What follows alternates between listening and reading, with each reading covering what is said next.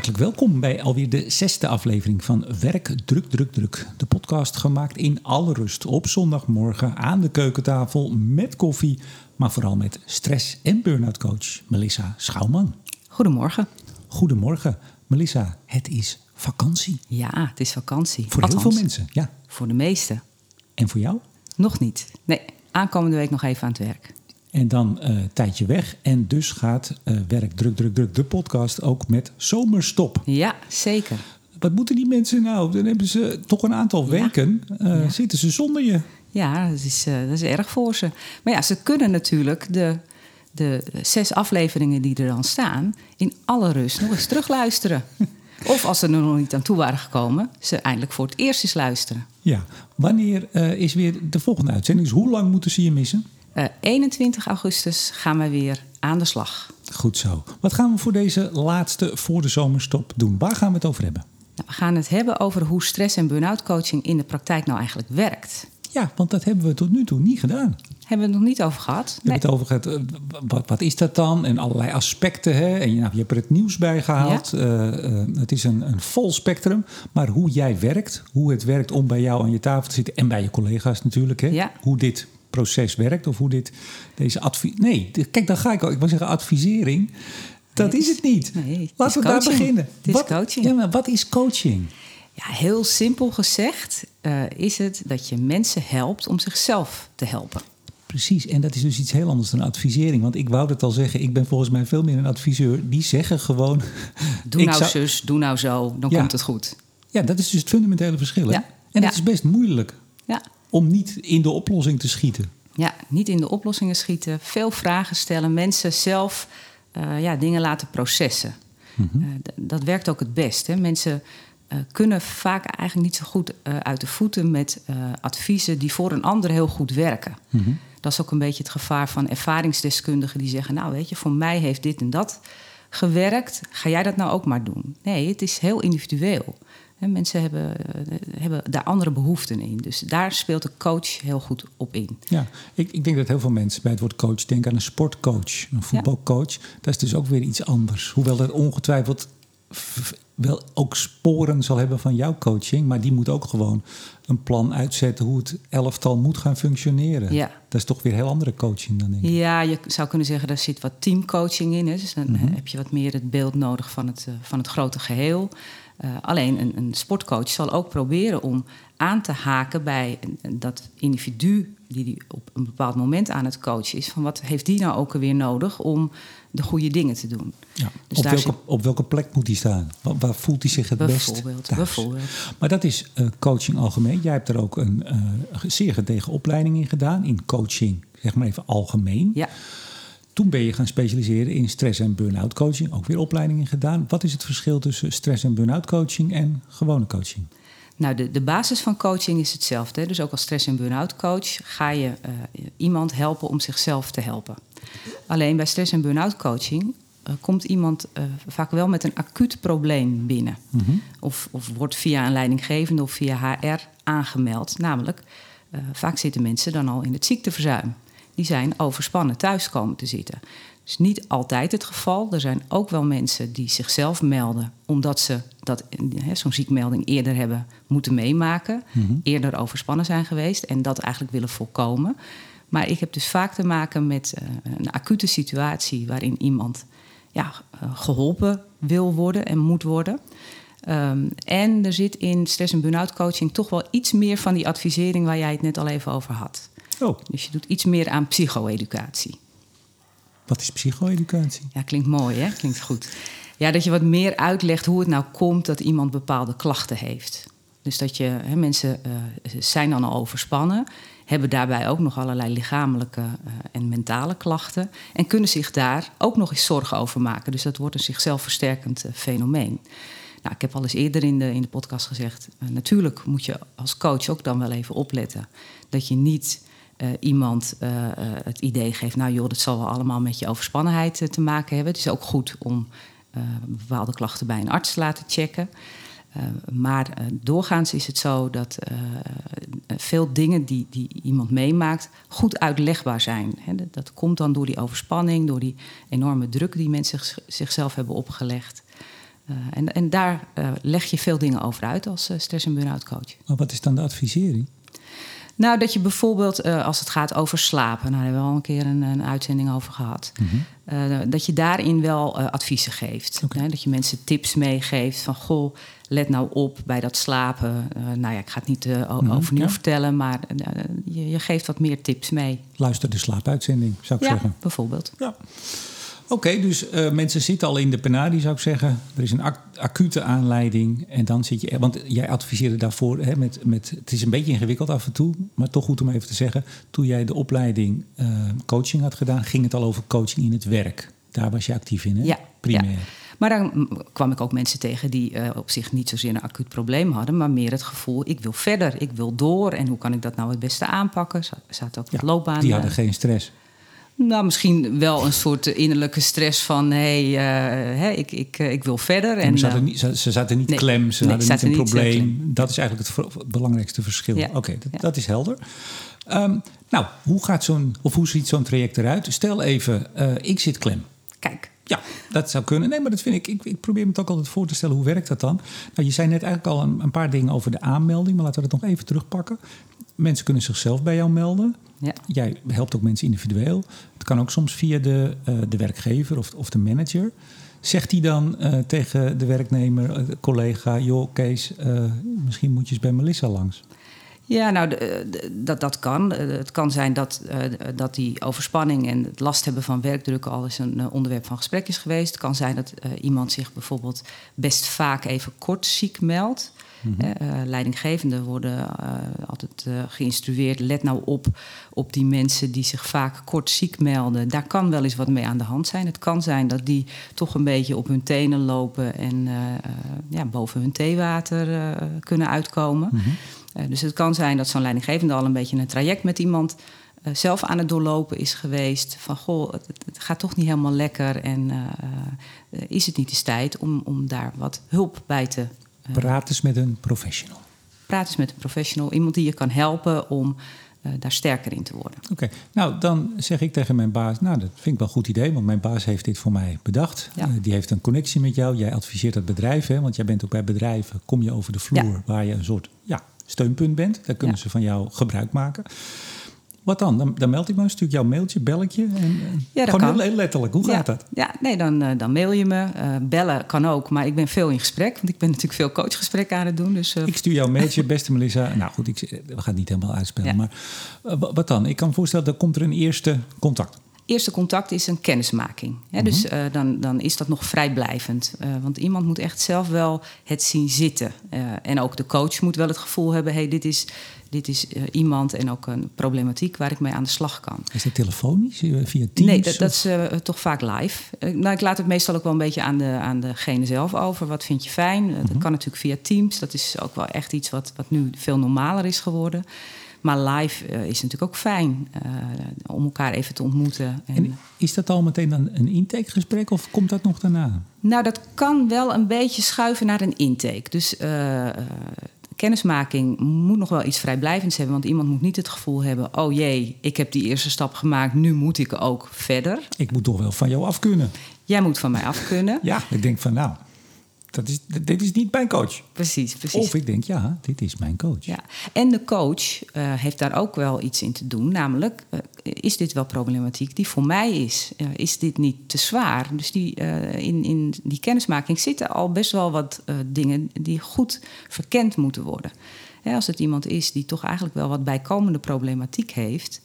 Uh, ja, dan is het misschien ook wel een te zwaar uh, verhaal voor de coach. Toen jij net zei van dat uh, leidinggevenden altijd op moeten letten als mensen vaak kortdurend afwezig zijn, toen sprong bij mijn hoofd, ik weet ook niet waarom, als iemand aan de drank is of zo, die een kater heeft. Maar ja, dat bijvoorbeeld, stel dat jij iemand die meteen op tafel legt, ja, ik heb een drankprobleem. Is ja. dat dan iets voor een, een stress- en burn-out coach? Nee, nee.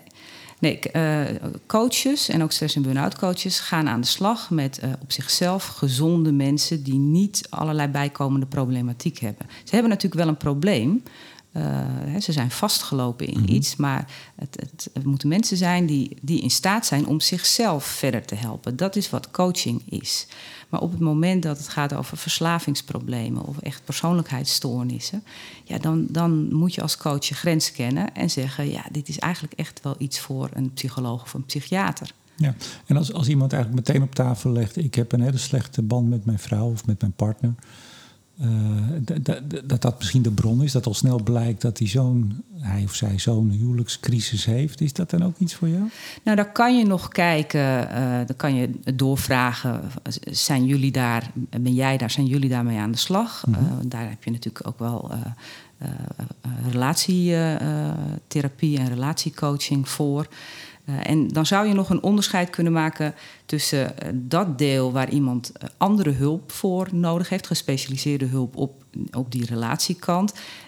En dan zou je als coach die zich wat meer richt op de werksituatie, zou je kunnen zeggen, en laat mij jou dan helpen in dat werk, om daar toch de goede dingen te blijven Ja. doen. Dus je inventariseert eigenlijk van hoe, hoe is het nu met je? Op het werk, thuis. Ook. Ja. En dan komt er, dat, dat weet ik, dat heb je me wel eens verteld, dan komt er de coachvraag. Er Ja. moet een coachvraag geformuleerd worden. Dat is, belangrijk in Ja. het hele traject. Wat is dat precies? Ja, want even voor de helderheid, hè, eh, want dat vroeg je net en dat was wel een hele goeie. In dat kennismakingsgesprek eh, zit al die eerste check. En soms wordt zo'n kennismakingsgesprek al de intake. En dat Ja. is waar we nu eigenlijk al Ja. over praten. Soms is het gescheiden. Blijft het echt een, een soort kennismaking? Gaat iemand eerst nog eens even zelf goed nadenken? Mhm. eh, en komt dan later terug... ja, ik wil eh, met jou de coaching gaan doen. En dan komt er dus die intake... Uh, en in de intake is het het formuleren van die coachvragen een hele belangrijke. Even los van al die andere dingen waar het net ook al over ging. Mhm. hè. Het analyseren, wat is er nou eigenlijk aan de Ja. hand? Waar heeft iemand last van? Ja.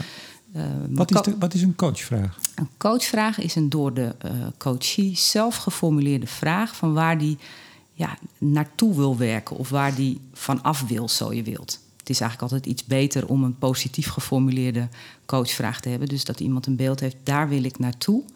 Uh, en hoe specifieker iemand die coachvraag weet te formuleren. Hè, dus ik wil in situaties van zus en zo, wil ik, uh, wil ik sterker zijn in mijn reactie. Ik zeg het nu even heel, heel globaal. Mhm. Uh, en dat merk ik dan aan die en die dingen van mijzelf. Dat, is, dat, dat helpt. Dat wordt een soort motortje achter de sessies van de coaching. Ja, en het is belangrijk ook om, om letterlijk die vraag op te schrijven, vast te leggen. Dat heeft een functie. Wat is die functie precies? Ja, dat komt een beetje uit de gedragspsychologie. Uh, dus op het moment dat mensen zelf. Uh, en, en soms duurt het ook best even voordat die coachvraag uh, goed scherp is en ook hanteerbaar is.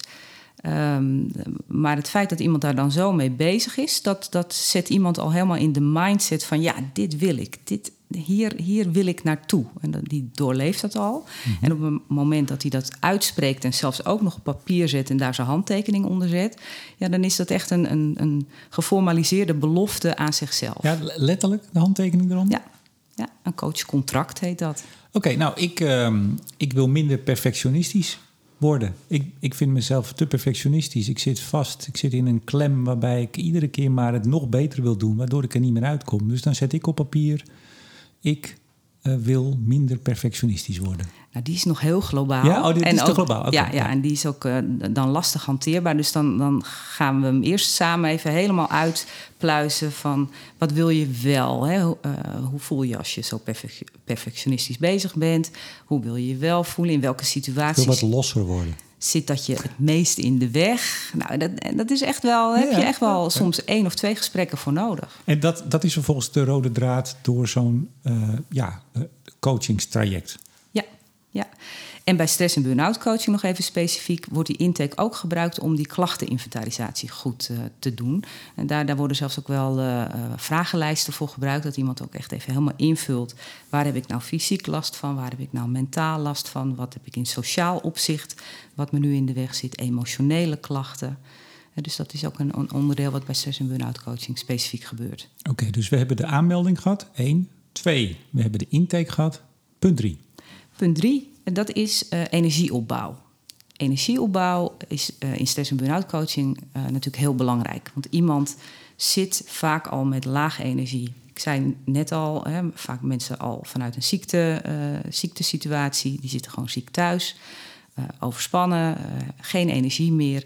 Dus dat is sowieso eigenlijk iets wat ik van meet af aan check bij iemand. Hoeveel energie heb je überhaupt om nu dit gesprek met mij te voeren? Daar hou ik dan rekening mee. Het kan ook zijn dat het verstandig is dat iemand dat traject wel gaat doen, maar nog niet op het moment dat hij nog volop eigenlijk helemaal, helemaal zonder energie is.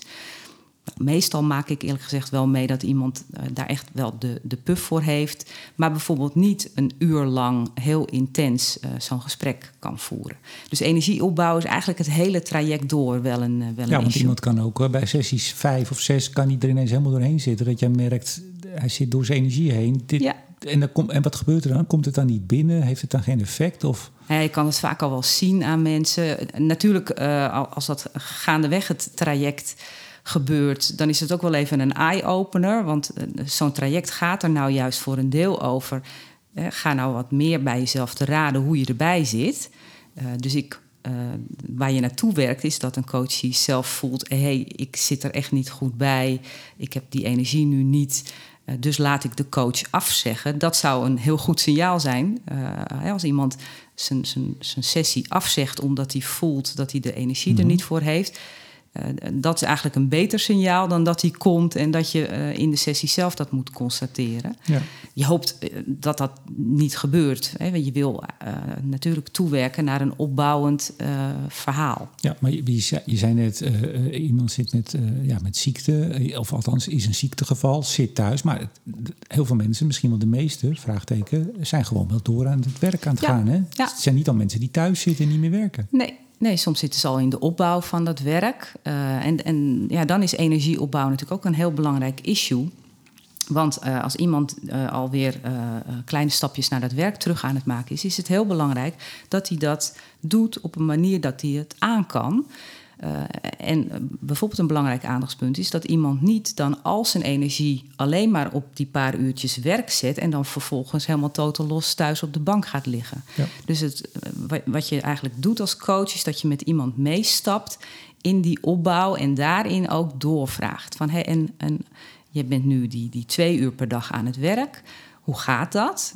Kun je een beetje houden aan de dingen die energiegevend zijn? Hè? Die energieopbouw daar komen ook heel vaak vragen over uh, energiegevers en energienemers. Mm -hmm, ja. uh, dat check je, maar ook heb je genoeg energie om thuis nog dingen te doen. Dus okay. daar gaat het gewoon heel vaak ja. over. Nou, energieopbouw van begin tot eind essentieel. Ja. Net als de coachvraag. Ja.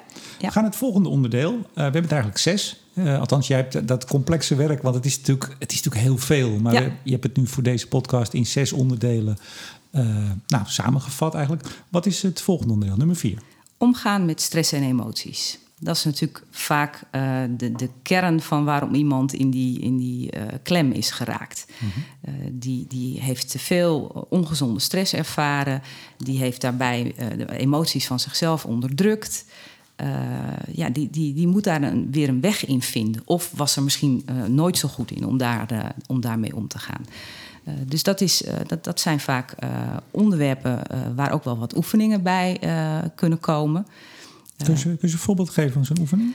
Nou, bijvoorbeeld nou, omgaan met emoties. Sowieso oefeningen waarbij iemand wat meer bij zichzelf te raden gaat. Van welke emoties voel ik nou eigenlijk echt?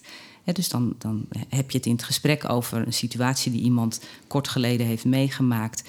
En dan vraag ik als coach door van ja, en, en hoe was dat dan? En, en hoe voelde je daarbij? En, en waar voelde je dat dan? Van dat soort beetje gekke vragen. Ja, bijvoorbeeld, uh, ja, ik weet niet of je het zo vraagt, maar of het boosheid was, of teleurgesteld, of terechtgewezen. Er zijn natuurlijk alle, hè, als je Ja. in een werksituatie kan er van alles zijn, waar, Ja. waarbij je eigenlijk niet weet wat. Ik, ik voel me niet fijn, maar Ja. ja, je kan je afgewezen voelen, je kan kwaad zijn, Ja. zoiets. Ja, dus en, en nou, meestal doe ik niet dus die suggesties al van, Nee. oh, voelde je, je voelde je zeker boos of je voelde Nee, je zeker dit. niet, nee. Dus het komt dan uit iemand zelf. Maar iemand die daar al niet zo goed in was, die moet dan zoeken naar woorden. Eh, dus dat is wel eh, iets om goed op door te vragen. Mhm. Eh, en bijvoorbeeld zo'n emotie als boosheid, dat is wel een, een, een bijzondere. Want boosheid, daar zit meestal eh, of verdriet of eh, eh, angst onder. Uh, dus dat is altijd wel een, een, belangrijk onderwerp om op door te vragen. Van oké, okay, hij was dus boos en wat, wat, wat, wat is er dan nog meer? Wat, maak, wat was nou de trigger? Mm -hmm. uh, en wat, wat speelt er nou rondom die trigger? Nou, dat, dat is een, een, een, een gespreksmanier uh, om, om bezig te zijn. Maar ik ga ook vaak met mensen rollenspellen doen. dus iets, een situatie naspelen. Zo'n situatie uit het werk waar emoties bij kwamen kijken. Uh, naspelen zoals het gegaan is. Mm -hmm. Maar ook de film terugdraaien en uh, hem anders laten uitpakken. Ja, dus dat iemand leert om eens op een ander knopje bij zichzelf te drukken. Ja, en je, en je leert dus eigenlijk ook herkennen en voelen en ja, doorleven van waarom had ik dan dat gevoel. Ja. Want dat weten mensen dus heel vaak eigenlijk niet. Weten ze vaak niet. Dus dat parkeren ze dan, dat, dat moffelen ze een beetje weg. En dan blijft dat toch uh, wat, wat dooretteren, om het uh, even lelijk te zeggen. Maar als je dan uiteindelijk met iemand erop komt dat het uh, angst is... Dat lijkt me best een confronterend, uh, confronterende vaststelling. Want iemand ja. is uh, hoog opgeleid vaak. Je hebt vaak mensen in het, uh, in het kantoorwerk, zal ik maar zeggen, een mooie opleiding gehad, hebben een goede baan. Ja. En dan blijkt dat ze ergens eigenlijk angstig voor zijn. Wat ze zelf misschien niet zo wisten. Ja. Nou, en, en dan komt het er een beetje op aan, hè, als het een, een, een, reële angst is. angst, ja, stel dat iemand iets heel ingewikkelds moet doen. En daar best wel wat buikpijn figuurlijk van heeft. Of letterlijk. en ja. soms ook letterlijk. Dan, dan, dan is dat natuurlijk helemaal niet gek om daar een beetje bang voor te zijn. Dus waarom dan, dan, is het interessant. Hoe, wat maakt het nou zo moeilijk voor iemand om daarvoor uit te komen? Ja, eigenlijk heb ik een hartstikke ingewikkelde opdracht. En poeh. Uh, maar er is ook heel veel uh, angst sowieso bij mensen. mensen hebben ook, ieder van ons heeft ook een oerangst, namelijk ja. de angst om afgewezen te worden. Dat is soms tijdens onze ontwikkeling als, van kind naar volwassene, is er een moment waarop je ouders jou voor het eerst afwijzen. Ja iedereen is daar bang voor. Dus ja. dan kan psycho-educatie weer heel helpzaam zijn. Zo van, ja, maar hè, op zich heeft iedereen een bepaalde angst in zich. En het kan helpen om daar in ieder geval over te praten en, en daar uh, bij jezelf eens uh, over te raden te gaan. Waar ben je nou, hè, wat is nou het ergste wat je kan gebeuren? Dat is ook zo'n zo'n bijna standaard coachvraag. Wat is nou het ergste wat kan gebeuren? Want mensen fantaseren vaak heel erg negatief over allerlei rampspoed. Maar wat, wat zeggen mensen dan bijvoorbeeld? Ja, dan zie je, dan, dan valt er vaak een stilte. Dan zie je die ogen een beetje zo omhoog gaan. Ja, ja, eigenlijk niks. Ja, maar dan zeg ik ontslag misschien. Is dat een angst? Dat, ja, dat kan. Nee, maar de grap is bij deze vraag dat, dat mensen eh, vaak bang zijn voor iets als ze, er, als ze er dieper over nadenken, als ze er dieper eh, bij stilstaan, dat ze dan erachter komen: ja, maar dat is helemaal niet erg. Hm. bijvoorbeeld ook uh, als in werk uh, nou, het zo ingewikkeld is geworden en zo, zo, zo stressvol. De angst om dan je baan te verliezen. Mm-hmm. Ja, iemand die zegt, ja, die baan is eigenlijk gewoon helemaal niet leuk meer zoals die nu is. Dus ja. waar ben ik dan eigenlijk bang voor? Ja, helder. Omgaan met stress en emoties, dat is het eigenlijk. Ja. Punt 4. Punt 5, het versterken van competenties. Versterken van competenties, ja, dat, dat zit een beetje bij elkaar in de buurt. Uh, hè, bijvoorbeeld uh, assertiviteit, uh, moeilijk nee kunnen zeggen. Nou, dat, dat rolt bijna voort uit omgaan met stress en emoties. Want die, die emoties maken vaak ook dat mensen niet makkelijk nee durven zeggen. Die zijn dan bang voor de consequenties van dat nee. Dus hè, dat is een, een, een, competentie tussen, tussen aanhalingstekens. Ik kan het zeggen, het is niet een... Ja, ja. Ja. Okay. dus die, die komt eigenlijk bijna altijd wel terug in stress- en burn-out coaching. Maar een competentie als het goed omgaan met je tijd... en goed prioriteiten leren stellen... nou, dat is een wat hardere competentie. En dat is niet voor iedereen nodig... maar voor heel veel mensen is time management uh, echt wel een, een, een belangrijk onderdeel... om ook hun eigen werkdruk wat beter te leren mannen. Ja, maar nog even assertiviteit. Uh, ik, ik ben bij jou, ik heb de intake gedaan, wij zitten in een traject en het blijkt dat ik toch een baas heb. Ik praat daarover. Ik, ik, ik voel me eigenlijk heel onheus bejegend misschien wel door zo'n baas of afgewezen. Uh, die, geeft mij allemaal opdrachten en dan denk ik, nou, ik ben een professional, dus ik, ik accepteer dat, of, want dat kan ik toch wel aan. Maar dan blijkt dat ik gewoon niet assertief ben. Ja. Dat, dat, dat, moet je dus eerst vaststellen dan. En dan ga je dus kijken van hoe, hoe kun je daar dan, ja, hoe kun je dat ontwikkelen? Is dat het? Ja, de, eh, bij uh, zoiets als een baas die dan uh, de hele tijd maar opdrachten blijft geven, is altijd interessant om uh, met een coachie te blijven kijken naar en wat doe jij dan? Want coaches, niet allemaal, maar, maar soms zijn ze wel even geneigd om steeds te zeggen: ja, maar hij of ja, maar zij. dus dat, dat ze het een beetje buiten zichzelf leggen. Uh, en ik blijf steeds focussen op, en wat doe jij dan? Dus die, die baas die komt natuurlijk met opdrachten bij jou, want die denkt, ja, dat is een goede kracht en die doet het altijd lekker. Uh, ja, maar dan weet diegene dat ik helemaal vol zit, zegt zo'n coachie dan. Zeg, nou, dat, dat, kun je, dat kun je aannemen, dat iemand dat weet, maar misschien weet hij dat wel helemaal niet. Of denkt hij, ja, uh, zolang diegene maar ja blijft zeggen, zit hij blijkbaar nog niet helemaal vol. Dus wat doe jij dan? Wanneer zeg jij nou eens een keertje nee? Nou, dan moet jij dus assertiever worden. Maar als je dat niet bent van nature, lijkt me dat niet zo makkelijk. Nee, en dan is het dus zaak om dat in kleine stapjes te gaan oefenen. Okay. Uh, dus dan kan bijvoorbeeld een, een, een, eh, een oefenopdracht zijn. Uh, Ga nou de aankomende week, als, de, als er weer nieuwe opdrachten uh, bij jou komen, ga dan eens uh, uittesten hoe het is om daar nee tegen te zeggen. Nou, dat is al best wel voor sommige mensen een flinke stap hoor. Uh, om, om dat te doen. Dus het kan ook zijn dat iemand. Uh, ik check dan natuurlijk van: uh, durf je dat aan? wat is het ergste wat kan gebeuren? en als iemand dan echt heel duidelijk ja, dat nog een, een, stap te ver vindt, dan kan het ook zijn dat we dat bijvoorbeeld eerst eens gaan oefenen. Ja. Of dat iemand thuis eerst eens begint met nee te zeggen. Ja, als een vrouw zegt, uh, doe jij vandaag was? Nee. Nee, doe ik niet. Of, of de coach komt de volgende keer bij en zegt, nou heb je nee gezegd? Ja. En? Ik ben ontslagen. kan nou. En uh, het spectrum wat er tussen ja en nee zit, is ook wel een interessante. Hè? Dus uh, nee zeggen, dat is zo helemaal de andere kant van ja zeggen. Uh, maar het gaat ook best wel vaak met coaches over... stel nou wat beter je randvoorwaarden. Ik kan dit wel doen, maar dan kan ik iets anders bijvoorbeeld niet ja. doen. En uiteraard maak ik hem nu even zwart-wit met ja, ontslag. Dat gebeurt natuurlijk niet. Maar het, het zit hem ja. inderdaad wel de grijs tinten van... Ja. hoe ga je dus stapje voor stapje, dat leer jij. Of daar help je. Je leert het ze niet, je helpt ze. Ja bij het stapje voor stapje zich meer ontwikkelen op de competenties die dus wat onderontwikkeld zijn voor hun probleem, zou ik maar zeggen. ja, Nou, goed. ja.